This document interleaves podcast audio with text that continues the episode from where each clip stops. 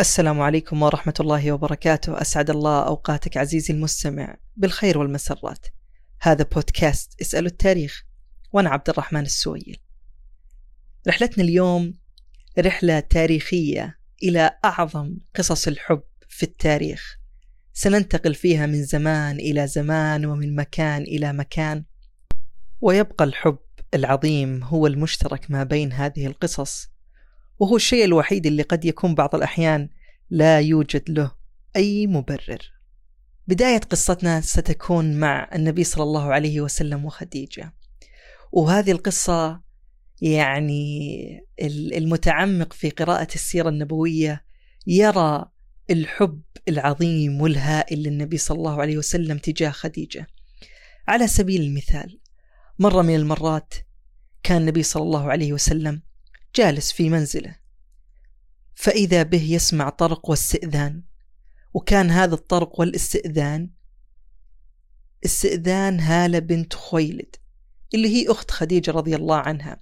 طبعا هذه القصة حدثت بعد وفاة خديجة بمدة طويلة والقصة هذه كانت في المدينة وبالأصح كان في منزل عائشة رضي الله عنها.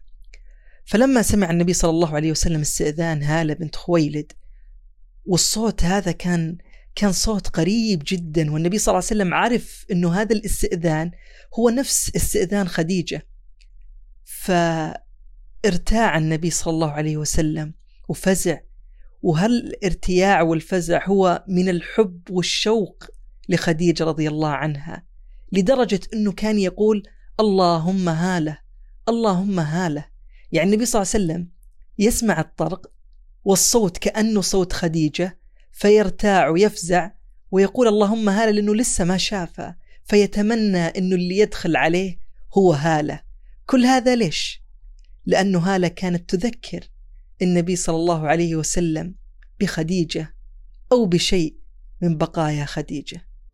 ولم يتوقف حب النبي صلى الله عليه وسلم لخديجة حتى هذا الحد. حب النبي لخديجة كان جدا عظيم لدرجة إنه عائشة رضي الله عنها تقول إنه النبي صلى الله عليه وسلم كان يكثر من ذكر خديجة حتى إنه ممكن يذبح الشاة ويقطعها ويبعث فيها إلى صاحبات خديجة. فهذا الحب اللي كان متمكن في قلب النبي صلى الله عليه وسلم تجاه خديجة. يعني تخيل معي إن النبي صلى الله عليه وسلم إذا جاء شيء إلى بيته يقول اذهبوا به إلى فلانة فإنها كانت صديقة خديجة. اذهبوا به إلى فلانة فإنها كانت تحب خديجة. يعني النبي صلى الله عليه وسلم كان يبعث أي شيء يجيه إلى منزله أو إلى بيته أو إذا ذبح هو الشاه إلى صاحبات خديجة. ليش؟ لأنهم فقط صاحباتها وأيضا لأنه كانت خديجة تحبهم أو كانوا هم يحبون خديجة. فهذا الحب العظيم يعني يستشعر فيه الإنسان صدق المحبة والوفاء.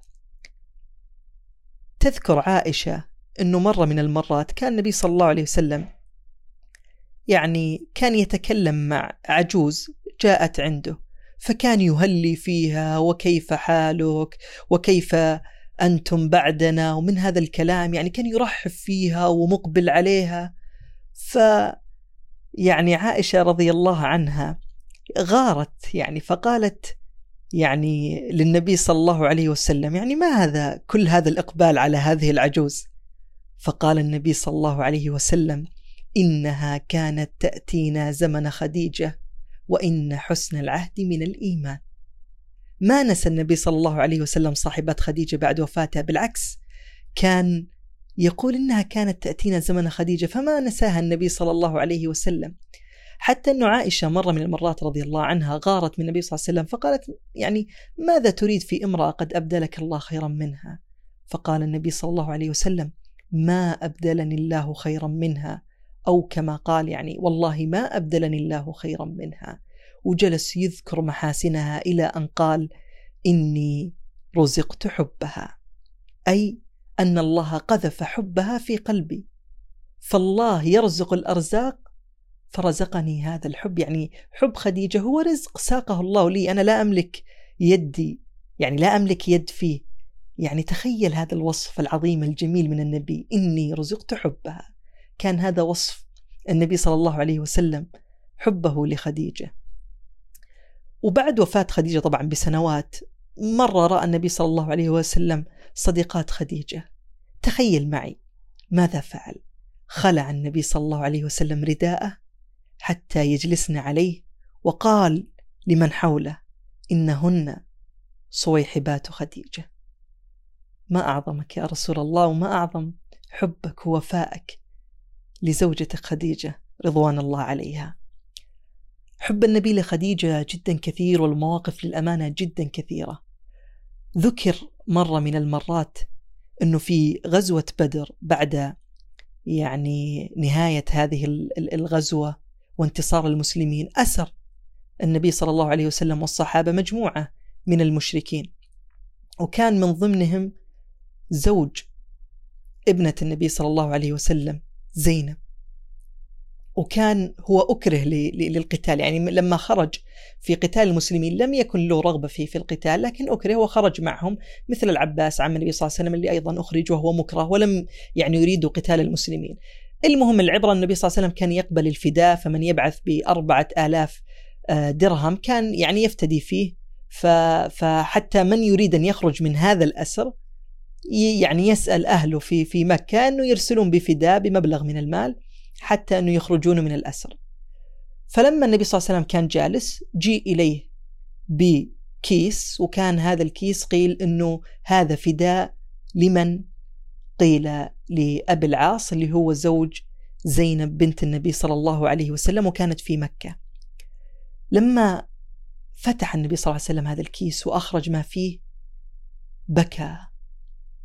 وكان يحاول إنه يكفكف دموعه لكن لا يستطيع البكاء يغلبه. ليش؟ لأن الذي كان في الكيس هو عقد من لؤلؤ لخديجة رضوان الله عليها. هذا العقد أهدته خديجة لابنتها زينب في ليلة زفافها. فتخيل معي النبي صلى الله عليه وسلم يرى هذا العقد يتذكر تلك الليالي والأيام والسنين مع خديجة.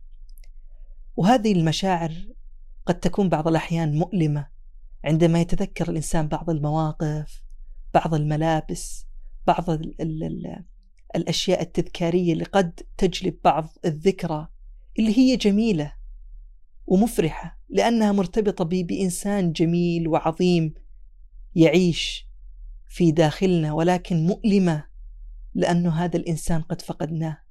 هذا الشعور اللي كان يمتلك النبي صلى الله عليه وسلم فبكى وكان يمسك العقد ويشمه وكان يعني نقدر نقول كأنه كان يتحسس هذا العقد ويتذكر تلك الأيام والسنين مع خديجة.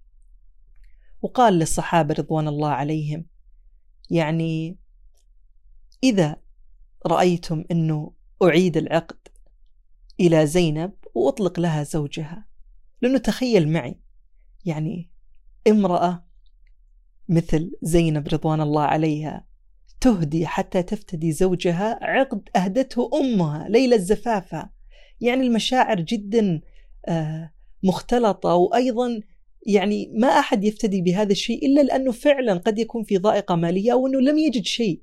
ولا كيف تضحي بمثل هذا العقد؟ يكفي خديجة رضوان الله عليها أن النبي صلى الله عليه وسلم قال فيها وخير نسائها خديجة. ويقصد النبي صلى الله عليه وسلم في في في هذه المقولة أنه خير نساء الدنيا خديجة. فرحم الله خديجة ورضي الله عنها. وصلى الله وسلم على نبينا محمد. قصتنا الثانية هي قصة أم سلمة وأبو سلمة. جاءت مرة أم سلمة لزوجها أبو سلمة وكانت تحبه حب شديد فقالت له إني سمعت أن المرأة إذا توفي عنها زوجها وما تزوج عليها وهي عفوا أن المرأة إذا أنه الرجل إذا توفي وكان له زوجة وأنه الزوجة لم تتزوج عليه فأنه ستكون معه في الجنة. فكأنها يعني قالت لي لأبو سلمة أنه مد يدك أعاهدك وتعاهدني ألا نتزوج أو ألا تتزوج بعدي وألا أتزوج بعدك. فنظر لها أبو سلمة وقال أتطيعينني؟ قالت نعم. قال إذا مت تزوجي. اللهم أرزق أم سلمة. بعدي رجلا خيرا مني لا يحزنها ولا يؤذيها. ما أجمل هذه القصة وما أجمل هذا الحب. أم سلمة كانت تريد أن تستأثر بزوجها. أبو سلمة ليكون لها لوحدها وكانت مستعدة لها لا تتزوج بعده. وقالت أنه نتعاهد أنك أنت لا تتزوج بعدي وأنا لا أتزوج بعدك حتى نكون نحن في الجنة لبعضنا. فماذا كان رد أبو سلمة؟ هل قال لا أو قال نعم؟ بالعكس قال تزوجي بعدي وأسأل الله أن يرزقك من هو خير مني لا يحزنك ولا يؤذيك. يعني تعجز والله الكلمات عن وصف هذا الحب العظيم اللي كان ما بين أم سلمة وأبو سلمة وبالمناسبة استجاب الله سبحانه وتعالى دعوة أبو سلمة فتزوج النبي صلى الله عليه وسلم أم سلمة بعد وفاة زوجها.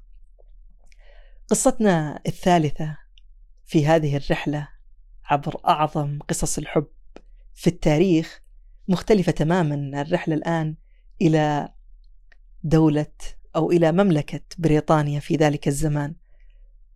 كان هذا الكلام في يوم 11 ديسمبر عام 1936 ألقى وقتها ملك بريطانيا إدوارد الثامن كلمة كانت جميلة ورائعة وفي نفس الوقت كانت هذه ال ال ال ال ال الكلمة يعني أثارت دهشة جميع سكان بريطانيا إن لم تكن جميع سكان العالم.